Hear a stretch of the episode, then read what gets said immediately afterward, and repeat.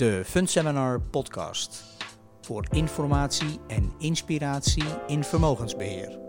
De Fundseminar podcast wordt mogelijk gemaakt door OBAM. Vandaag is onze gast uh, Wouter van Overveld, Head of Emerging Markets Corporate Bonds bij Fontobel Asset Management. Wouter belt in uh, vanuit Zurich en met Wouter gaan we het hebben over fixed income en emerging markets, in het bijzonder corporate bonds. Bijzonder volatiel lijkt dat, een risicovol domein, maar volgens Van Overveld valt dat allemaal reuze mee. Wouter van Overveld is een gepassioneerde fixed income professional, sinds 2013 werkzaam bij Fontobel. Wouter eh, zal op de eerste Fund Seminar Session van dit jaar in mei ook over dit onderwerp spreken. Welkom uh, bij deze podcast, Wouter. Um, we gaan het vandaag hebben over uh, emerging markets. Um, is dat niet heel risicovol in de in de markt van uh, vandaag de dag.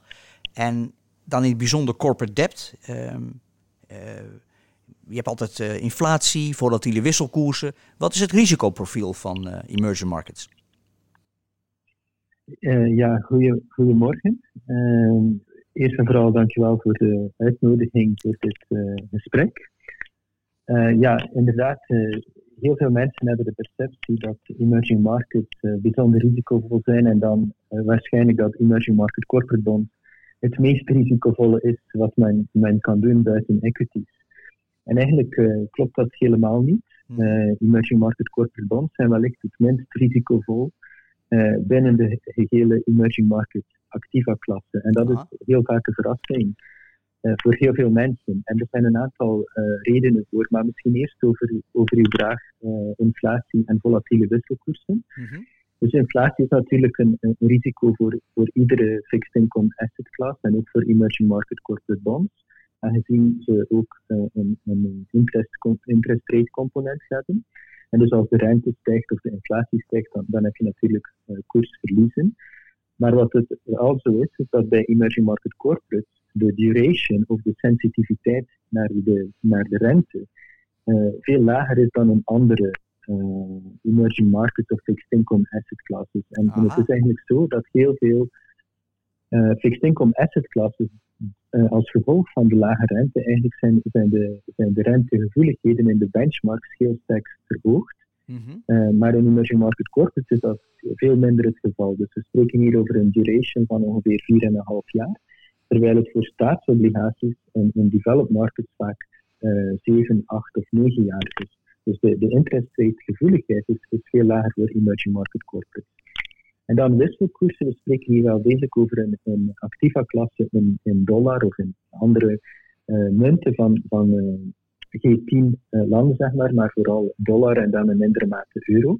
En in die zin is er geen directe gevoeligheid ten opzichte van de wisselkoersen, maar eerder een indirecte gevoeligheid. Uh, in die zin dat bepaalde ondernemingen natuurlijk het kan zo zijn dat ze schulden hebben in, in, in dollar en hun revenues in, in een andere lokale munt. Mm -hmm. Maar dan hangt het natuurlijk vanaf in welke mate dat die, dat die ondernemingen zich ook gehedged hebben. En daar is natuurlijk mijn job om, om daar naar te kijken. Ja. Maar, maar, als we iets dieper ingaan op de activa-klasse zelf, mm -hmm. wat ik nog graag wil, wil aangeven, dat is er wat superbelangrijk is, en zeker in, in, deze tijd, is dat mensen het onderscheid maken tussen welk, welk risico men eigenlijk wil nemen. En aan, langs de ene kant heb je dan kredietrisico, dus het kan, de kans dat een onderneming failliet gaat eigenlijk. Uh, en anderzijds het renterisico. Dus zoals gezegd, renterisico is, is vrij laag uh, in, in deze activa-klasse. En dan heb je natuurlijk het risico uh, komen van krediet, van, van um, herstructurering van de onderneming. En dat is voor iedere individuele onderneming misschien wel vrij hoog, maar het is ook zo dat de benchmark heel veel issuers bevat. Veel meer dan bijvoorbeeld staatsobligaties. Er zijn maar ongeveer 70 tot 80 landen waarin men kan investeren en er zijn meer dan duizend verschillende issuers in corporates. Dus de diversificatie is veel hoger. En daarmee creëer je ook een ander risicoprofiel natuurlijk. Ja, ja inderdaad. En, en wat ook belangrijk is, de compositie van de benchmark is helemaal anders. Dus in emerging market corporates mm -hmm. heb je heel veel uh, betere kwaliteit landen, vooral in Azië. Azië is heel sterk aan het groeien. Terwijl in de staatsobligaties benchmark heb je veel meer frontier markets, veel meer exposure tot, Azië. Mhm. sorry, tot Afrika bijvoorbeeld. Mhm. en, en, en, deze landen hebben typisch geen ondernemingen. Dus als je staatsobligaties koopt en combineert met ondernemingsobligaties, heb je eigenlijk in zekere zin een ander universum uh, van, van landen waarin dat je investeert, waarbij dat je bij de corporates eigenlijk in de betere kwaliteit in de ondernemingen van de betere kwaliteit landen investeert. Dus bijvoorbeeld de, de average rating, de gemiddelde rating, in, in de corporate index is investment grade, triple B minus, terwijl het voor staatsobligaties eigenlijk uh, dubbel B plus is. En dus die drie factoren samen zou ik zeggen, dus je hebt enerzijds betere diversificatie uh, door het grotere universum, lagere rentegevoeligheid en uh, betere kredietkwaliteit zorgt er eigenlijk voor dat, dat ondernemingsobligaties minder risicovol zijn dan staatsobligaties. Alhoewel veel mensen natuurlijk denken dat staatsobligaties minder risicovol zijn dan ondernemingsobligaties. Maar, maar, maar voor, voor emerging markets is dat niet zo door de compositie van de benchmark. Ja, oké. Welke kansen bieden die corporate debt dan aan een actieve manager in vergelijking met een passieve portfolio in emerging markets? Ja, ik, dat, is, dat is een fantastische vraag. Want ik denk, uh, in emerging market corporates, wat, wat ze eigenlijk zeggen in, in Tobel, is eigenlijk is het active managers paradise. Er zijn altijd mogelijkheden doordat de activa-klasse zo uh, groot is. Zoals ik net gezegd heb, meer dan duizend verschillende issuers. Mm -hmm. Vijftigtal verschillende landen, verschillende sectoren. En heel belangrijk, uh, er gebeurt altijd iets. Dus de individuele issuers Mhm. zijn inderdaad volatiel. En ik denk dat dat ook de perceptie geeft van de mensen dat ja, emerging market corporates zijn heel volatiel. Maar het is ook juist die volatiliteit, de overreactie, die je vaak ziet in Mensen plaatsen het nieuws als er een, een headline is. Een nieuwsheadline is het heel vaak een negatieve headline. En mensen plaatsen dat niet altijd in het, in het juiste perspectief. En mhm. heel veel mensen hebben de reactie better safe than sorry. en verkopen en om het even welke prijs. En dat geeft natuurlijk heel veel mogelijkheden. En, en ook de, zeg maar, de manier waarop mensen naar die landen kijken is heel verschillend. Bijvoorbeeld investeerders in Latijns-Amerika zijn vaak anders dan investeerders in, in China. En, doordat er verschillende drivers zijn in die markten, zijn er ah, dislocaties in termen van spreadbewegingen en heb je heel veel relative value opportunities. Dat is in het algemeen zo, maar ik denk zeker, zeker vandaag, post-COVID, is de case voor, voor active management gewoon overweldigend. Want in deze tijden heeft het natuurlijk geen zin om zomaar alles te kopen. Er zijn heel veel ondernemingen die, die de crisis beter doorstaan en anderen die het minder goed doorstaan. Mhm. En ik denk in deze tijden is het nog belangrijker dan, dan in normale tijden om, om een juiste selectie te maken van ondernemingen, om, om die ondernemingen te kopen aan de juiste prijs. En niet, en niet zomaar om alles te kopen, want die kan ook gediversifieerd zijn naar een actieve portefeuille. Dat is trouwens super belangrijk. Ja. Uh, maar het actief betekent niet, niet gediversifieerd. En, en veel mensen denken we gaan passief, want dan hebben we de volledige index. Maar ik denk de volledige index kopen, wanneer er zoveel onderscheid is tussen hoe ondernemingen de crisis doorstaan hebben, is eigenlijk een beetje hek, zou ik zelf zeggen. Ja als, als we naar de, de, de specifieke markt kijken, de, de, in feite de, de, de, dit specifieke segment, waar liggen volgens u echt op dit moment de kansen? Ja, ik denk dat, dat dus er zijn op dit moment zeer veel mogelijkheden, denk ik, eh, binnen Azië en in, in, China.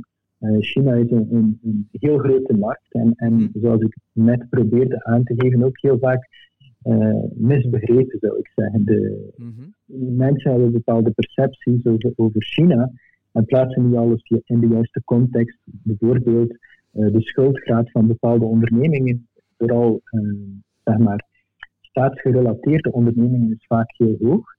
En mensen vergelijken dat dan met bijvoorbeeld wat men ziet in, in developed markets, maar vergeten dan soms dat ook die staatsgedreven ondernemingen ook een policy goal hebben. Dus niet iedere onderneming in, in, ieder deel van de wereld is noodzakelijk gedreven door het winstmotief. En ik denk dat er heel veel mogelijkheden zijn daar. Mhm. Eh, ook wanneer China bijvoorbeeld uh, liquiditeitscondities verstrengt omdat ze juist de leverage willen verlagen, ehm, heb je vaak een, een, een, correctie in de markt. En dat geeft dan opportuniteiten. Dus ik denk China is, is, een, is een, een, heel goede mogelijkheid. En dan natuurlijk uh, post-COVID heel veel ondernemingen die uh, well, zich hun balance sheet eigenlijk moeten herstellen, die in moeilijkheden zijn. waar dat de obligaties in zekere zin uh, zijn, gecorrigeerd hebben, en, en die nu goedkoper zijn. En daar is het denk ik super belangrijk om de, de goede ondernemingen van de slechte te onderscheiden. En ik denk dat daar heel veel mogelijkheden liggen voor de, voor de nabije toekomst. En bij het onderscheid maken tussen de goede en de slechte, daar is dus een actieve manager in het voordeel, omdat hij zijn eigen keuzes maakt. Ja, als hij de juiste keuze maakt natuurlijk. Ja, ja, ja, kan de verkeerde keuze maken. De, de, de, de, de, de passieve manager die moet, die moet gewoon het hele mandje nemen. Die, die, die kan geen selectie toepassen aan de poort. Maar de actieve manager kan bewuste keuzes en accenten leggen. Ja, inderdaad. En, en er, is ook nog een andere reden, want um, voor actief management is ook bijvoorbeeld nieuwe obligaties.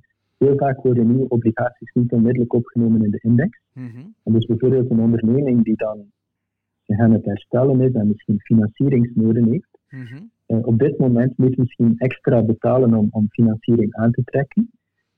Daar kan een actieve manager deelnemen in, in die nieuwe financiering, terwijl een passieve manager normalerwijze enkel zou deelnemen nadat het in de index opgenomen werd. Ja. Dat zijn niet zo super grote mogelijkheden, maar toch ook belangrijke ja, ja, uh, bronnen van, van koerswinst. Ik snap het, ja. Um, is uw aanpak, de aanpak van Fontobel, in deze assetklasse anders dan andere asset managers? Ja, dat is natuurlijk moeilijk te zeggen. Mhm. in die zin dat ik niet weet wat dat iedereen doet, maar ik denk het wel. Uh, in die zin dat we, ik denk dat we super actief zijn. Uh, als we kijken naar het fonds dat ik beheer, dan heb je een vrij grote turnover. En ik denk dat het ook gejustificeerd is door, als ik zeg dat er heel veel mogelijkheden zijn en dat er altijd iets gebeurt, dat betekent ook dat er altijd iets verandert. En wanneer de relatieve prijzen van obligaties zich veranderen, dan zijn er ook tradingmogelijkheden. Dus de logische consequentie, denk ik, van een actief beheer is ook dat er, dat er wel actief beheerd wordt en dat er, dat er heel veel veranderingen zijn in de portefeuille. En ik denk dat daar Van Tobe zich echt onderscheidt. Mm we willen echt, uh, ik zeg niet voor niets, het is een active managers paradise. We willen echt actief zijn. Mm. En wanneer er mogelijkheden zijn, ook die mogelijkheden uh, nemen. En, en we zijn ook vaak natuurlijk een, een, een beetje contrair. Wanneer veel mensen angst hebben om een bepaalde uh, onderneming te kopen, denk ik juist dat er de beste opportuniteiten zijn. Natuurlijk moet men zijn huiswerk maken, moet men zich bewust zijn van het risico. Mhm. Maar ik denk heel vaak zijn er overreacties uh, in emerging markets en die overreacties uh, bieden heel veel mogelijkheden. En wat dat ook uiteindelijk belangrijk is, als je zo'n overreactie hebt, en ik denk dat daar ook een groot onderscheid is tussen Van Tobel en, en andere managers, en, en die wil ik mhm. echt benadrukken, is dat obligaties ook price upside bieden. Veel mensen zeggen, ja, we kopen obligaties, want we hebben een coupon en we hebben een, een leuke carry. Mhm. Maar eigenlijk, eh, als je kijkt naar het Van Tobelfonds, is waarschijnlijk de helft, dus de carry, zou ik zeggen, heeft iedereen. Iedereen die obligatie koopt, heeft de carry, want iedereen krijgt een coupon, tenzij dat de onderneming in, in, in faillissement gaat. Correct. Maar wat het onderscheid is, is wie, wie neemt ook de prijs upside. En als je kijkt naar performance attribution van het Von Fonds, dan zal je zien dat de helft van de uh, return komt van de carry. En ongeveer de helft komt van price upside. En die price upside kan je enkel, kan, je maar één keer realiseren. Eens, eens de prijs gestegen, een obligatie kan niet oneindig stijgen. Ja. Want het is gekapt en dus eens het prijsupside gerealiseerd is, zijn we vaak aan het switchen naar een andere obligatie die opnieuw prijsupside heeft. En ik denk dat dat het onderscheid is van, tussen Van Tobel en veel andere managers. Prachtig, dank u wel. Als, als we dan kijken naar de, de luisteraars van onze, onze podcast, de, de, de adviseurs van de vermogende particulier, um, hoe zou u hun adviseren aan hun cliënten emerging markets corporate debt te duiden? ja, ik, ik, denk dat het belangrijk is om, om te zeggen dat, dat emerging markets door, door de diversiteit, diversif, sorry, diversificatie in het mhm. aantal landen, aantal ondernemingen, een echte diversificatie biedt voor veel portefeuilles. Veel investeerders hebben een home bias in een portefeuille. Ik neem aan, in, in Nederland zijn veel investeerders wellicht uh, Europees georiënteerd. Mhm. En als ze dan een, een, een, stap buiten Europa nemen en ze willen een hogere yield, hebben ze wellicht vaak de neiging om naar uh, US yield te gaan kijken. Ja. terwijl emerging market corporates vandaag een hogere spread hebben, een betere rating, een lagere duration. En, en dus alles is eigenlijk beter in emerging market corporates op dit moment dan in US high yield. Bovendien wordt de rating heel vaak uh, naar beneden onderschat. Want de, de rating in emerging markets, en dat is ook een laatste punt dat ik graag zou maken, mhm. de rating in emerging markets is veel, heel vaak gelinkt aan de rating van het land.